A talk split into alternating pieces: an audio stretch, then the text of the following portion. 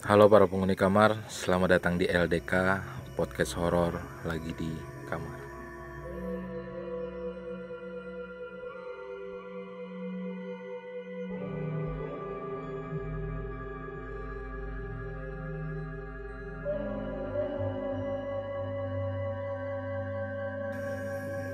Di episode ke-29 setelah sebelumnya ada break episode Kali ini kita akan bertemu lagi dengan kisah-kisah menyeramkan seperti sebelum-sebelumnya. Dan narasumber kita yang satu ini adalah ini aku perkenalkan sebagai siapa? Seorang apa? Pekerjaanmu itu?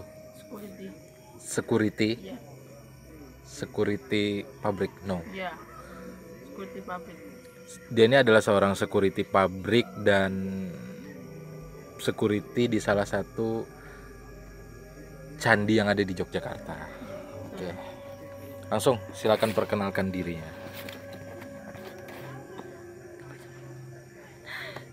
halo nama saya Novi saya pekerjaan security di salah satu pabrik dan di salah satu wisata candi di Jogja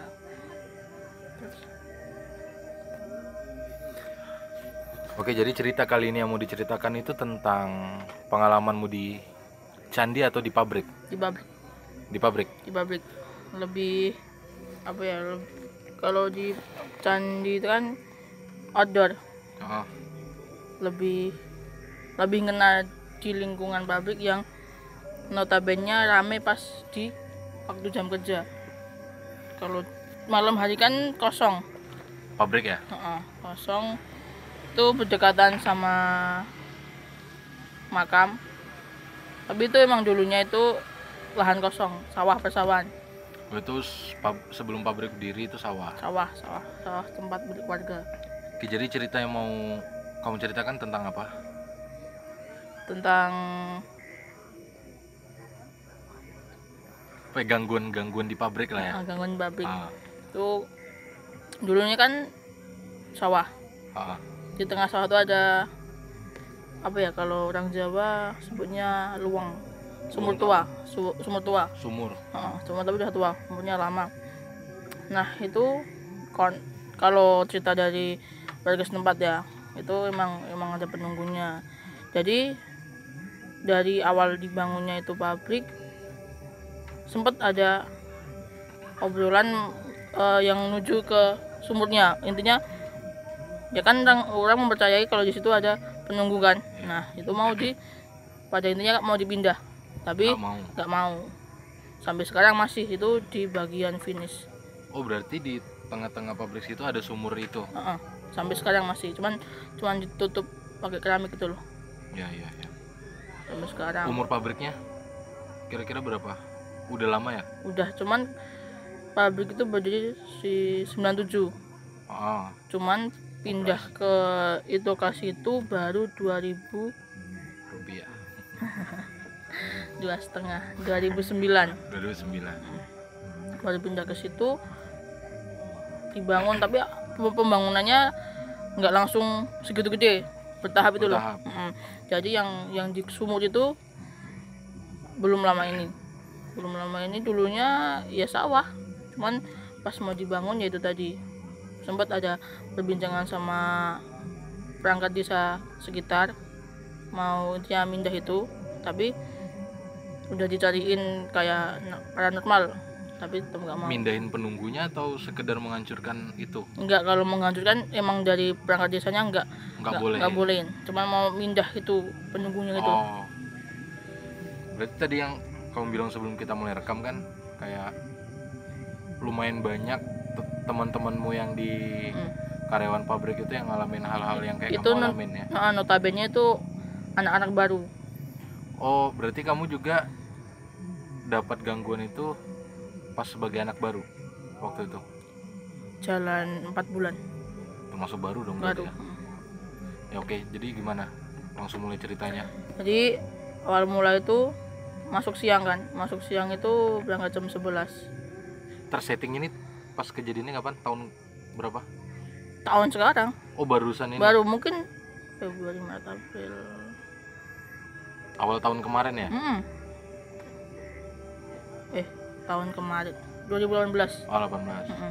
kayak gimana tuh ceritanya? Jadi masuk siang jam karyawan istirahat kan jam setengah 12 kan? Oh. Setiap masuk siang kan pasti dapat jatah buat cek body cek body keluar masuk karyawan kan harus harus cek body itu ngecek? Ah, seluruh badan kan. Kan takutnya nanti apa kulit kan bahan baku di pabrik kan? Pabrik apa sih sarung tangan. Oh sarung tangan. Jadi kan bahan bakunya kulit. Takutnya kan nanti kalau ada penyelundupan barang kan cek body setiap sa- mau istirahat itu jam setengah 12 Berarti- pabrik kulit. Berarti ada karyawan yang nyelundupin Iya. kulit lumpia. Yang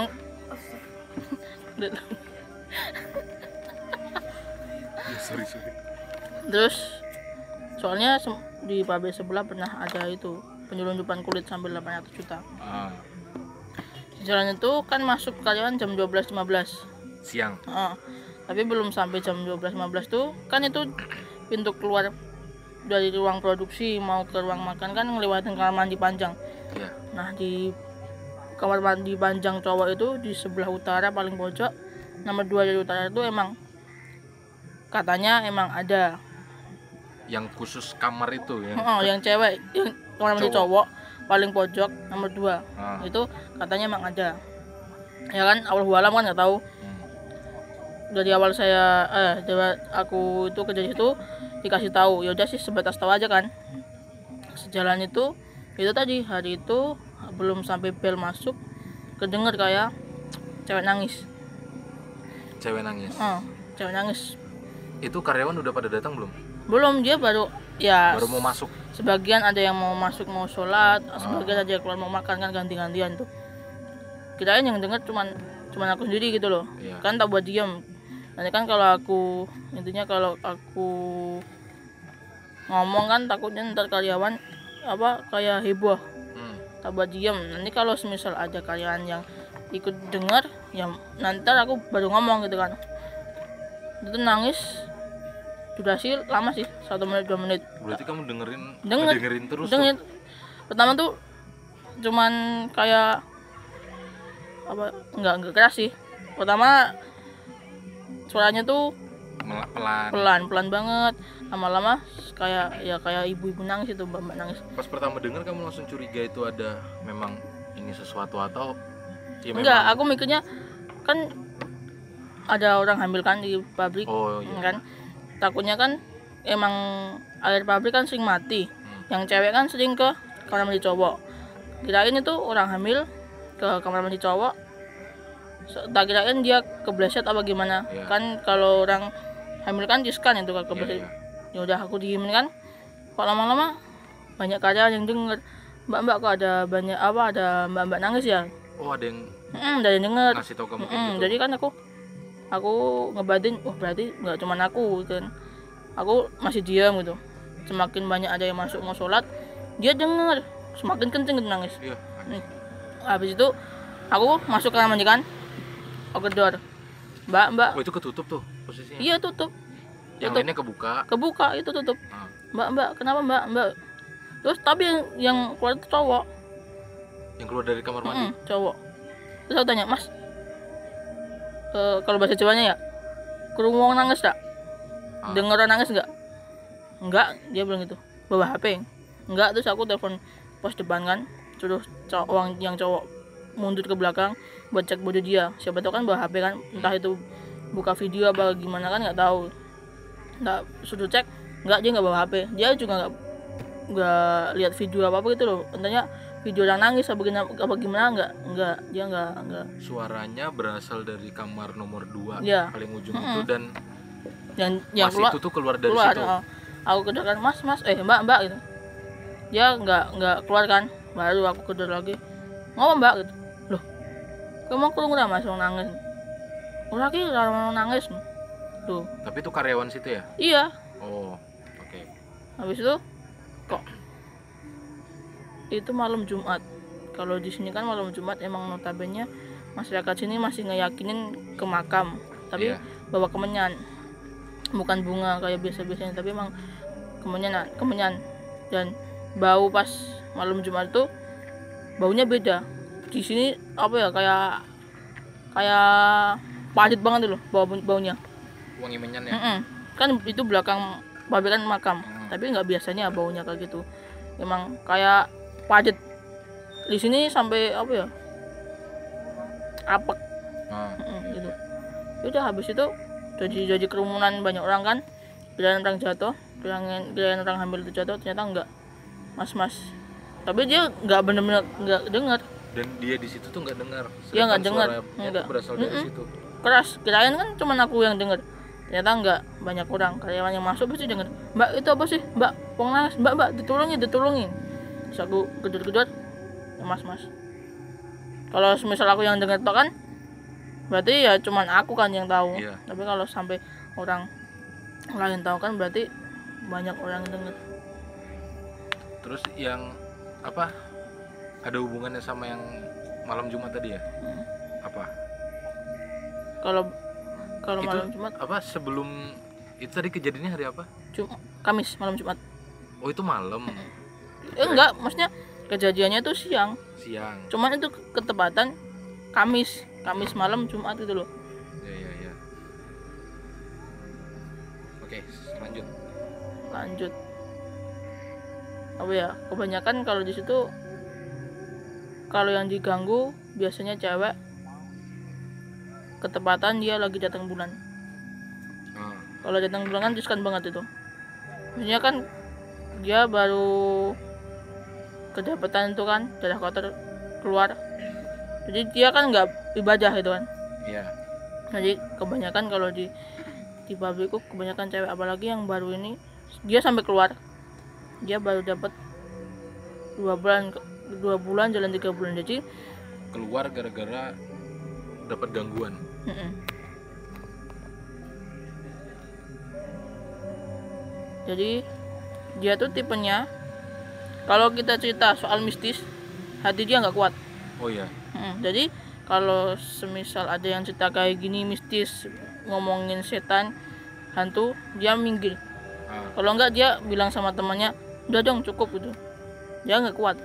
Jadi awalnya tuh dia baru kan di situ baru satu minggu. Dia di itu di ruang finish yang ada sumurnya tadi. Hmm.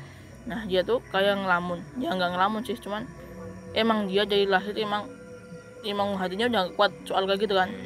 Nah, tepat di finish ada dia tanya sama orang yang udah udah udah lama di situ. Dia tanya, dia tuh seakan-akan kayak digelibet, tahu digelibet. apa itu Kayak kayak di samping-samping itu kayak orang besar. oh iya Heeh. Dia Kayak- kayak kayak gitu. dibayang-bayangin gitu. loh. Hmm. Dia dia spontan tanya, "Mbak, dulu tuh sini apa sih?" Sin?" Dan mbaknya bilang, "Di sini dulu sumur tua. Jadi kalau ada apa-apa ini cuek aja tuh. Masa bodoh jangan jangan ditanggepin loh. Kamu kalau mau cerita cerita. Jadi jangan diem jangan dibuat diem. Terus dia cuma diam diam diam nggak lama kemudian dia langsung kejang-kejang. Oh iya? Dia kerasukan. Mm. kerasukan di situ? Mm. dia kerasukan sampai matanya itu melotot itu loh. Apa kan di di di bopong iya. digendong sama cowok-cowok kan.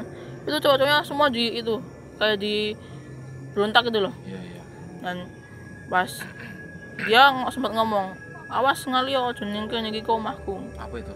Awas jangan di sini itu rumahku. Jangan ganggu. Gitu berarti dia kayak ngerasa keganggu loh. yang masukin tuh yang si penjaga sumur Heeh, itu heeh. terus ada supervisorku Islam. Iya. Dia cuman ya mungkin kalau Islam baca doa ya baca doa. Nggak tahu baca doa apa ya. Tapi nggak mempan tuh. Tapi mempannya malah sama yang Nasrani diapain? Dia cuma dipegang gitu. Apa ya? Dipijitin gitu oh, cuman pelipisnya diurut gini. Turut-turut langsung dia sadar. Kamu tahu nggak sosok yang itu tuh apa sebenarnya?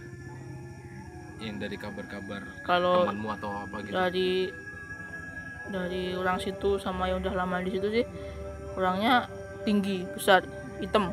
Cowok laki. Mm-mm. Oke. Aduh, kayak kayak kayak udah kakek-kakek itu loh. Wah, dia tuh kalau prinsipnya ya kalau kamu mau kerja kerja. Tapi jangan ganggu itu loh. Tapi mungkin karena karena itu yang baru tuh mungkin dia masih baru belum tahu seluk beluknya situ terus salah ngomong apa Iya. gimana bisa jadi kayak gitu. Terus dia sering sering banget sampai jalan hampir jalan tiga bulan mungkin dia akhirnya keluar nggak kuat soalnya dia kayak kayak kebuka itu loh oh dia ngeliat-liat juga Mm-mm, dia kayak Hmm. wah setiap saat kalau dia makanya dia kalau di finish itu dia nggak berani duduk di bawah kan di oh ditutup jadi jadi lantai semua di gitu ya? lantai ha, kan terus di, di atas lantai kan dikasih meja buat Iya. finishing gitu kan jadi dia nggak berani duduk situ di tim itu tuh ada berapa orang emang yang satu ruangan tuh? Banyak. Lebih Banyak. dari 20 ya? Nggak sampai. Tiga bulan oh 30-an rame ya sebenarnya berarti. Nah sebenarnya teman kan di paling pojok gitu. Ah. dan yang melihat sosok itu tuh udah banyak juga ya? Banyak. Terus setiap kalau di sini kan kepercayaan pas bulan apa itu ada. So, bukan bukan surah apa ya? Apa nek nek ngirim doa nih makam itu Kliwon bukan. Bulan. Kalau di Ponjong itu nyebutin nyadran. Nyadran pernah dengar ya Nah. tahu. Kalau di Ponjong kan nyadran kirim doa ke makam kan. Nah, Hmm. mungkin kalau ditanya ke ustadz-ustadz di pabrikku tuh belum kirim doa di makam belakang. Ah, jadi banyak yang kesurupan waktu itu. Terus ditanyain ke, ke kiai akhirnya Jumat sore itu perwakilan dari pabrik ngirim doa ngirim bunga gitu. udah habis itu nggak ada apa-apa. Tapi kalau pas sebelumnya itu kayak produksi tuh keganggu tuh loh. Setiap malam Jumat mesti mesin mati. Oh ini sampai malam nih. Ya tergantung kalau emang kejar target besoknya ekspor Ah, itu lembur sampai paling 24 jam. Tapi kalau nggak nggak kejar target ya nggak sampai malam oke selain yang sosok tadi itu karyawan-karyawan lainnya tuh banyak ngelihat yang kayak gimana cewek. Katamu kan kemarin tadi ada cewek juga kayak. Mm-mm, itu di, yang di kamar mandi nomor dua itu. Jadi kan ruanganku yang di belakang. Oh kamu pernah ngerasa ngelihat juga ya? Iya. Gimana itu? Di ruangan belakang kan? Ruangan security. Jadi ruanganku tuh bisa lihat kamar mandi itu loh. Iya. Tapi aku posisi duduk kan gini ngadep sana kamar mandi di sini. Ini malam. Malam malam biasa sih. Malam biasa. Jadi aku duduk ngadep ke selatan jadi kamar mandi itu ngadep ke timur. Ya yang nomor dua itu paling pojok di sana. Jadi kan main komputer tuh kan? Main komputer serasa di sana kayak ada yang lihat. Kayak ada yang berdiri merhatiin Mm. kamu. Lalu siap begini nggak ada. Tapi itu lembur sampai jam berapa? Jam satuan kak ya. Emang udah malam sih ada temanmu juga tapi? Nggak ada. Cuma sendiri? Sendiri di situ. Cuman ada orang produksi. Cuman produksi di dalam kan. Itu jahit. Anjir, banget. Tiap lihat nggak ada. Tapi rasanya di sini kayak berat? berat. Kayak di sini kayak orang tuh kayak fokusnya ke aku gitu loh. Tahu? Udah ya, itu berat. akhirnya aku maju ke depan bilang sa- sama temanku. Nggak apa-apa. Emang emang biasanya emang kalau ada aktivitas malam dia kayak gitu. Oh kamu nyamperin temanmu ke Mm, depan? ke depan, yang di depan cowok. ada jaga depan ah ada. gerbang itu tadi yang kamu masuk itu loh. Ada bilang mas kok neng kono kae rada ngono ya? Ya ya emang temen kan bisa kayak bisa lihat dulu kayak bisa ngerasain bisa itu juga apa ngobatin. Aku bilang dia bilang rapopo emang ono kegiatan lebih dari jam 12 emang kayak gitu sering tapi kalau di depan pabrik itu mah sering. Jadi setiap kirim tuh ya. Misal besok kirim ntar malam. kontainer itu itu datang jam 3 wih itu udah pasti tuh. Iya. Dia mah baunya yang ba- bau kotoran bau tapi kalau sekarang lebih lebih dominan bau kotoran. Busuk gitu ya jadinya? Mm-mm, busuk jadi setiap pernah itu temanku ke kamar mandi. Di depan tadi kan ada kamar mandi kan pojok sana. Temanku lagi kamar mandi jadi di tembok itu dipukul. Dung dung dung. Oh ada yang mukul. Heeh. terus temanku diam kan. Lagi dipukul dung dung. Terus temanku eh, frontal bajingan tak ngerasa ditunggoni wae dia bilang intinya bajingan ngapain ganggu Oh, orang iya. di sini kerja nungguin gitu loh nungguin pabrikmu ngapain diganggu? Terus temanku banting itu banting pintu. embednya yang di depan. Nemu langsung maju ke dalam pos. Lagi. Tapi di, dari tembok sebelah. Jahatan gerbang tadi loh. Langsung Anjir. ya temanku langsung marah-marah itu. Benar langsung ke depan dari gerbang. Oh ya, baunya langsung itu busuk. Wih, merinding aku. Nggak tahu ya kalau uh, sosok-sosok dari rupa baunya segala macam katanya kalau busuk ya berarti sukus perawakan dari sosok itu tuh kayak ya emang seperti baunya gitu loh. Mm-mm. Busuk ya berarti memang modelnya kayak sukus busuk. Mungkin bisa jadi. ya bisa jadi ya kalau di sini kepercayaan emang sukus Oh, ada di situ juga su. sih tapi kalau pernah sih aku lihat di depan lobby tadi kan aku duduk di pos depan kan Ah, di lobby itu kayak kayak mbak-mbak tapi dia di, di kaca. Padahal itu libur.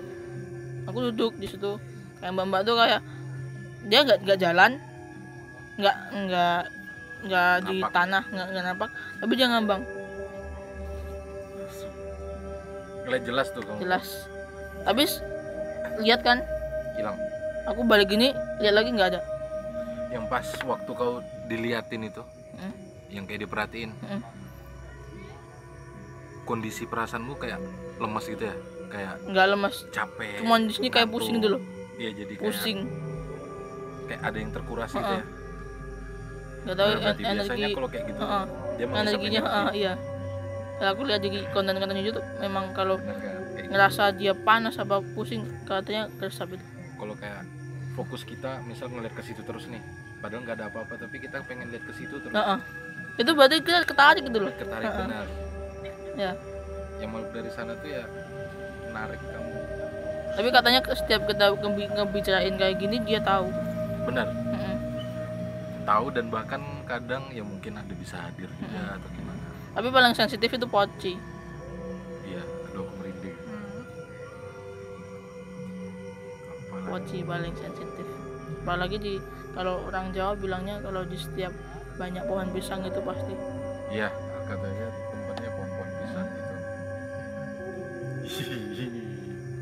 kalau kalau dulu di pabrik gula Madukis mau Bantul dulu ah, pernah iya, ada. tahu, tahu. aku pernah kan PKL di sana tiga dua bulan. Itu katanya security juga? Enggak PKL PKL sekolah pas Oh, SMK itu dua bulan siang itu ada pocong ngambang. Gitu. emang itu kan bangunan udah jadi Belanda kan penjajahan. Kamu yang ngeliat sendiri atau? Enggak aku cuma diceritain sih. Cuman ha- jam 5 aja jam 5 sore kamu masuk pabrik itu hawanya udah beda banget. Apalagi di bawah gilingan tebu itu dinira uh katanya ada yang yang akan ada yang bisa lihat lihat itu. Katanya ada yang gelantungan ada yang cengah cengingis tapi ya masa bodoh aku nggak bisa lihat. Tapi di situ setiap kalau semisal kan di Madukisme itu kan enam kali enam bulan sekali giling tebu enam bulan sekali bikin bulan. Bukan seperti itu software jadi dalam satu tahun dulu dia dua produksi dulu hmm. ganti-gantian nah setiap dia mau setiap dia mau musim giling musim giling tebu. tebu itu harus ada upacara adat. Numbal enggak. Apa ya bukan numbal tapi kalau di sana izin gitu ya? Oh, namanya ceng-ceng apa apa ya lupa aku. Cenengan apa ya. pokoknya tujuh hari tujuh malam apa- apa hari itu ada jadi adatnya tuh kalau di sana kalau setiap mau giling harus ada pernikahan antara tebu laki-laki sama tebu perempuan. Itu prosesnya proses, prosesnya itu sama kayak orang orang orang nikah. Dan kalau nggak ngelakuin itu pasti ada ada. Paling kal- beberapa gangguan. pernah itu tahun berapa aku lupa ada yang pekerjanya meninggal. Tanpa sakit tanpa sebab. Meninggal di lokasi situ. Mm-mm. kalau enggak ya dia giling gagal panen gagal produksi bertonton tebu pun nggak bakal jadi gula. Itu harus harus nanam kepala kebo di depan sama di belakang dia di area giling tebu. Dan itu sampai sekarang tuh masih. Harus ada. Kalau enggak nggak mungkin bisa giling. Anjir Lihat, kelihatannya sih bagus sih dari depan. Tapi kalau belakang ngeri. Mistis yang di sini tadi. Terus teman mungkin cerita teman-temanmu lagi yang ada ngalamin apa gitu? Ada tukang itu.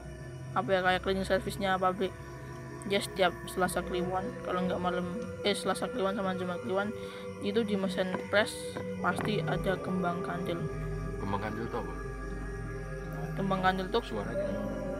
bunga itu loh bunga yang bentuknya kayak peluru putih yang bisa dimakan oh tahu tahu. sama susana apa sama hmm. nah itu. Mesti di mesin press itu nemu kalau nggak tiga biji ya dua biji itu pasti ada. Padahal nggak ada yang nggak ada yang ngasih gitu.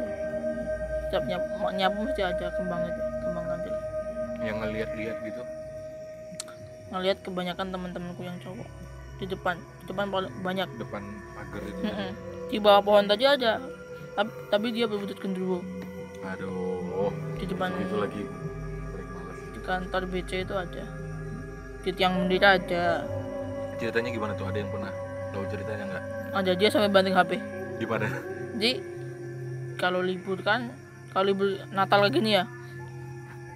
Jadi shiftnya dibagi biasanya satu shift dari jam 3 sampai jam 11 dibagi jadi jam 3 sampai jam 11 itu satu orang eh jam 3 sampai jam 7 satu orang. Jam 7 sampai jam 11 sebelahnya satu orang lagi.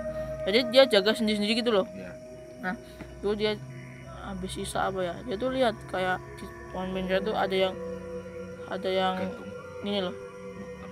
Heeh, muterin pohon itu. Muterin tiang. Ah, tapi dia punya kepala tapi bawahnya nggak ada. Kamu stop ya tadi ya? Nggak itu. Pencet boh kepencet. Nggak tahu tadi. Kayak kejeda ini baru ku ku jalanin lagi. Nah terus aku kan mau ya? Enggak enggak kesentuh kan? Enggak nyentuh HP ku. Enggak ada yang datang ini? Berarti ada. Mbak Kun. Miss K. Poci iya ke stop tadi iya kayak Hmm. enggak tahu aku tuh. aku kayaknya tapi aku yang tak nyentuh ya. Aku lihat mau ngeliat baterai. Loh merah. Berhenti berarti tadi. Saya aku cek sampai mana tadi obrolan kita ya? Aku demi Allah nggak ada. Uang igiku igiku aku ngambil kan? Ngambil kan aku tuh nyentuh. Omongannya. Kain pun raisa nyentuh nggak bisa. Soalnya di tanganmu yang yang aku kan nggak ada dari tadi apinya di situ Eh, maaf para penghuni kamar tadi. Di tengah sesi perekaman di bagian cerita tentang apa ya yang kepala muterin tiang? Tuh tiba-tiba ternyata pas dicek kita udah lanjutin cerita banyak ternyata alat perekam kita kejeda sendiri. Tidak terima? Entah itu ya mungkin kesenggol atau gimana lah nggak apa-apa lah. Positif thinking. Positive thinking walaupun kayaknya tadi ya emang ayo. Udah gak apa-apa. Kita mau lanjutin yang mana lagi?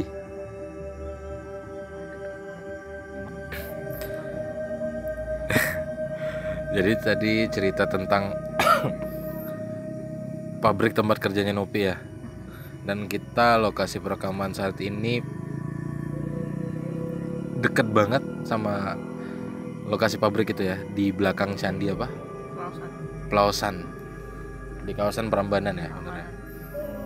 Di tempatnya apa namanya Pik? candi kembar. Ini di- lagi di Candi Kembar dan itu emang dekat banget. Entah ya nggak tau lah dari terima datang dari dengar konten-konten yang lain kan kayak kisah tanah Jawa ataupun konten-konten mistis yang lain. Kata Om Hao ya bilangnya kalau kita lagi ngomongin mereka ya. yang kit- yang diomongin itu pasti dia datang atau gimana kan nggak tahu. Cuma Ori- dia dia tahu kalau lagi diomongin. Iya lagi di Apalagi kalau poci itu sensitifnya gede. Gede. Apa jangan-jangan yang yang muterin itu apa? Cewek? Cewek. Yang muterin tiang itu? Tapi dia nggak berkaki tapi pakai baju gitu? Baju. Nah takutnya ya itu kan tadi katanya ngerti kan siapa tahu memang itu yang datang soalnya pas ke stopnya di bagian Mm-mm. situ dan di belakang itu kita banyak yang ngelanjutin cerita yang tentang itulah. Ya emang semoga cuma kesalahan teknis dari HP-nya bukan ya macem-macem. Jadi mbaknya yang nggak terima jadi coba kita lanjut. Eh, tadi karena bahasnya pabrik dia si Nopi juga ada pengalaman di mana di pabrik gula itu? Pabrik gula di Bantul. Ah. Pastinya teman-teman tahu. Tentang mistis gitulah. Mistis. Itu pabrik. siang hari. Tadi gimana? Coba dilanjutin dulu. Jadi siang itu aku ya, sambil pesan dulu ya. Jadi siang ada teknisi dari instrumentasi listrik datang di bagian yang udah diolah jadi nira. Gue lihat dari tangga ada sosok poci tapi dia nggak nggak sampai nyentuh tanah. Jadi ngambang. Ngambang bentuknya poci tapi udah berantakan. Maksudnya banyak tanah kain kain udah udah kayak rusak. Kayak udah bertahun-tahun. Bau busuk habis itu hilang.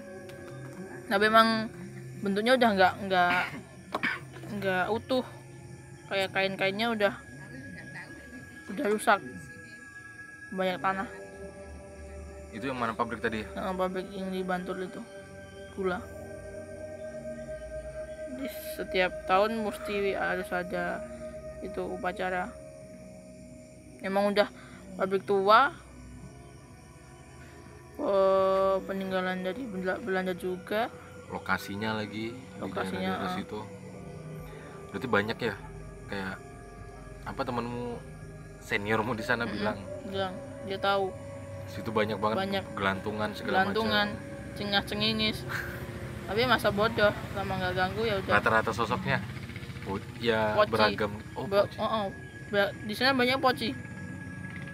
Di sana tuh pohon tebu juga nggak sih? Ada pohonnya nggak ada ya? Nggak ada cuma udah tebu mati maksudnya tebu udah Ah, dipotong dia dimasukin troli masuk ke dalam penggilingan. Ya makasih ya mbak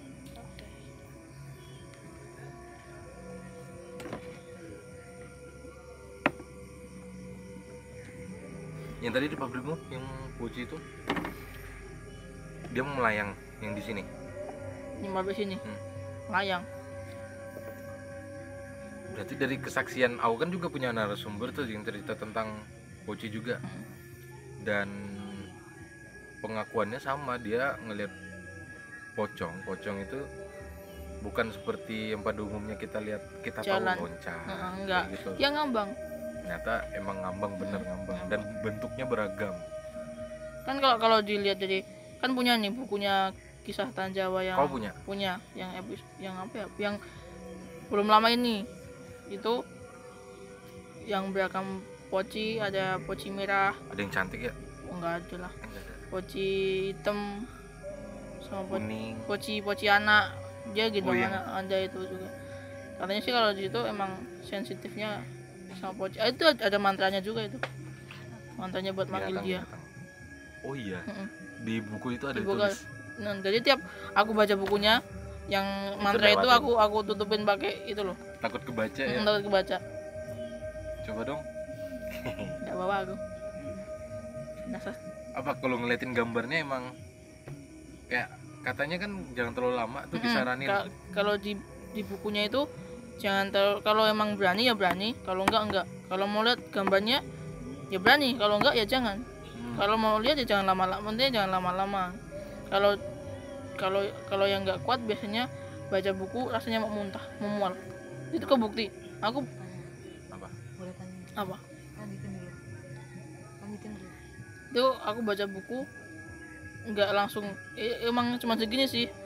Cuman nggak aku selesain dalam satu malam. Soalnya apa ya sekali baca dapat lima lembar enam lembar itu rasanya gini pusing. Kau yang ngalamin itu? Mm-mm. rasanya mau muntah mual. Beneran itu? Berarti ya oke oke. Aku tanya, ya boleh. Emang kalau lihat lama-lama kenapa? kayak kita kebawa energinya. Mau nyoba? Tak pinjemin bukunya seriusan ada di kos. Berapa kau beli? 87 apa ya? Gramet. Bukan dari Magelang. Gramet udah habis. Ya, soalnya mereka juga bilang gitu nyaranin kan kalau yang lihat jangan lama-lama. Mm-mm. soalnya bukan cuma sekedar gambar soalnya yang itu Itu dia ngegambar pocong. iya. Terus di setiap setiap penjelasan. Ini po- poci merah poci apa dia pasti ada gambarnya. Jadi Jadi dia si pelukis itu ditransfer kayak dikirim energi gitu sama entah Kom Hao atau siapa gitu. Mm-mm, Om baru Hao. dia ngegambar. Jadi dia tuh nggak ngelihat sosok yang digambar jadi dia yang di. Jogja itu juga dimasukin di buku loh yang rumah yang mana? rumah pocong Jogja di sana kota gede. Heeh, itu dimasukin nah juga. itu yang aku maksud yang cantik itu ada di situ. Mbak siapa ya? Lupa aku. cantik. Merinding aku yakin. Mbak siapa ya? Oke udah jangan disebut lah. Dia juga udah denger paling ya. Iya. Banyak lah pasti yang nyeritain dia. Itu pas DMS di situ dia nampakin. Hmm? Mm, ada di YouTube-nya? Mm-mm. kelihatan? Lihat lihat DMS kau nonton? Udah itu udah episode lama itu spesial spesial emang bener-bener kelihatan atau clickbait? Clickbait.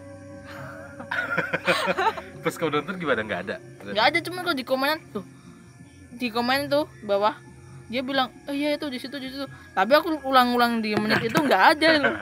Emang ya kan kalau kalau orang kan maksudnya beda-beda. Ada yang bisa Iya. ngelihat ada yang nggak. Mungkin yang komen tuh emang udah bisa ngelihat kali. Aku lihat tak ulang lagi menit gitu mana tak tak gini-gini kusum-sum. Nggak ada juga emang nggak bisa lihat apa gimana ya udah yang kamu ikutin apa aja selain DMS DMS di Sastra Jawa pernah ngikutin Kiprana tapi nggak jadi. Ya Ki- Kibrana kan yang kita ada kelihatan kan? Tahu sih itu gender apa? Yang warna hijau. aku pernah lihat Kiprana pas dia nyetir terus aku bener-bener lihat itu mbak-mbak Kunti nyebrang. Nabrakin Di diri ke mobil. Heeh. terus dikejar sama Kiprana tapi udah nggak ada. Itu kimis-kimis apa ya? Hancur lah. Sama di YouTube tuh kelihatan yang kalau yang di, genderuwo. Kiprana itu aku bener-bener lihat, lihat itu mbak-mbak lewat nabrakin diri ke mobilnya Kiprana pas dikejar nggak ada. Pernah ngikutin jurnalisa tapi jurnalis aku di awal-awalnya waktu trending doang Mm-mm. tuh. aku habis itu enggak sekarang aku di MS notif tapi tiap tiap tayang mesti dia jam 3 pagi jam 2 oh, itu. ngupload nguploadnya? Heeh. mesti pagi-pagi malam-malam. Itu istrinya Denny Darko kan ya? Bukan. Sarah Wijayanto kan? Itu istrinya Demian. Oh iya Demian Denny Darko. Pelukis pasir anjing itu. Istrinya? Iya ini yang pelukis pasir Sarah Wijayanto bukan bukan. siapa Saji Sawi Jayanto ya bukan bukan bukan. DMS dia di MS Diary Misteri Sarah iya Sarah Wijayanto juga dulu lukis pasir. Enggak. Enggak. ya Allah sorry sorry mbak aduh sorry. Demiannya ya? Demian pesulap Pesulap anjing. dia pelukis pasir siapa? Istrinya dari Dark. istri Denny Darko siapa? Lihat Anjing. lihat lihat lihat. Lihat pelukis pasir Perasaan Sarah Wijayanto dulu di Antv atau di mana? Lukis pasir Antv juga? dia ikut itu dunia lain malah apa ya? Dua dunia apa ya? Dua, dua dunia tuh trans. Pelukis Cina. Heeh, Vina itu. Oh yang lukis pasir. Chandrawati. oh sorry. Ya Allah Demian Denny Darko. Rambutnya tuh hampir sama bentuk-bentuknya terus apa konten-konten horor yang kamu ikutin lagi? Podcast horor lagi di kamar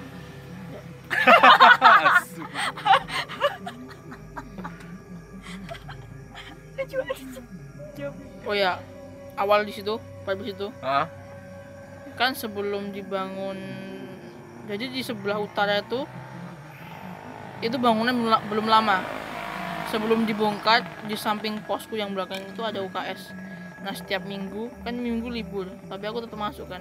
Aku minggu libur paling aku jam jam 7 aku ke belakang tidur kan di di UKS samping pos itu terus kalau mau kalau mau bangun nggak bisa kayak ditahan. Mm kayak di giniin ih. Tapi kalau udah ini ibu jari kaki Gerak. bisa digerakin bisa. Model tapi tindihan kayak model tindihan ya. tapi nggak bisa melek gitu loh. Tapi sadar mau gini mau mau bersuara juga nggak bisa. Hampir mati dua kali kayak gitu. Di awal banyak awal banget emang di situ. Banyak. Mungkin karena lokasinya juga di kawasan kayak gini ya candi segala macam. Kamu sekarang masih di situ? Ker- Masih. masih kerja di situ? Masih. Di candi juga? Mm, oh jadi double? Double. Tiap bulan dapat gaji double juga. ya nggak juga.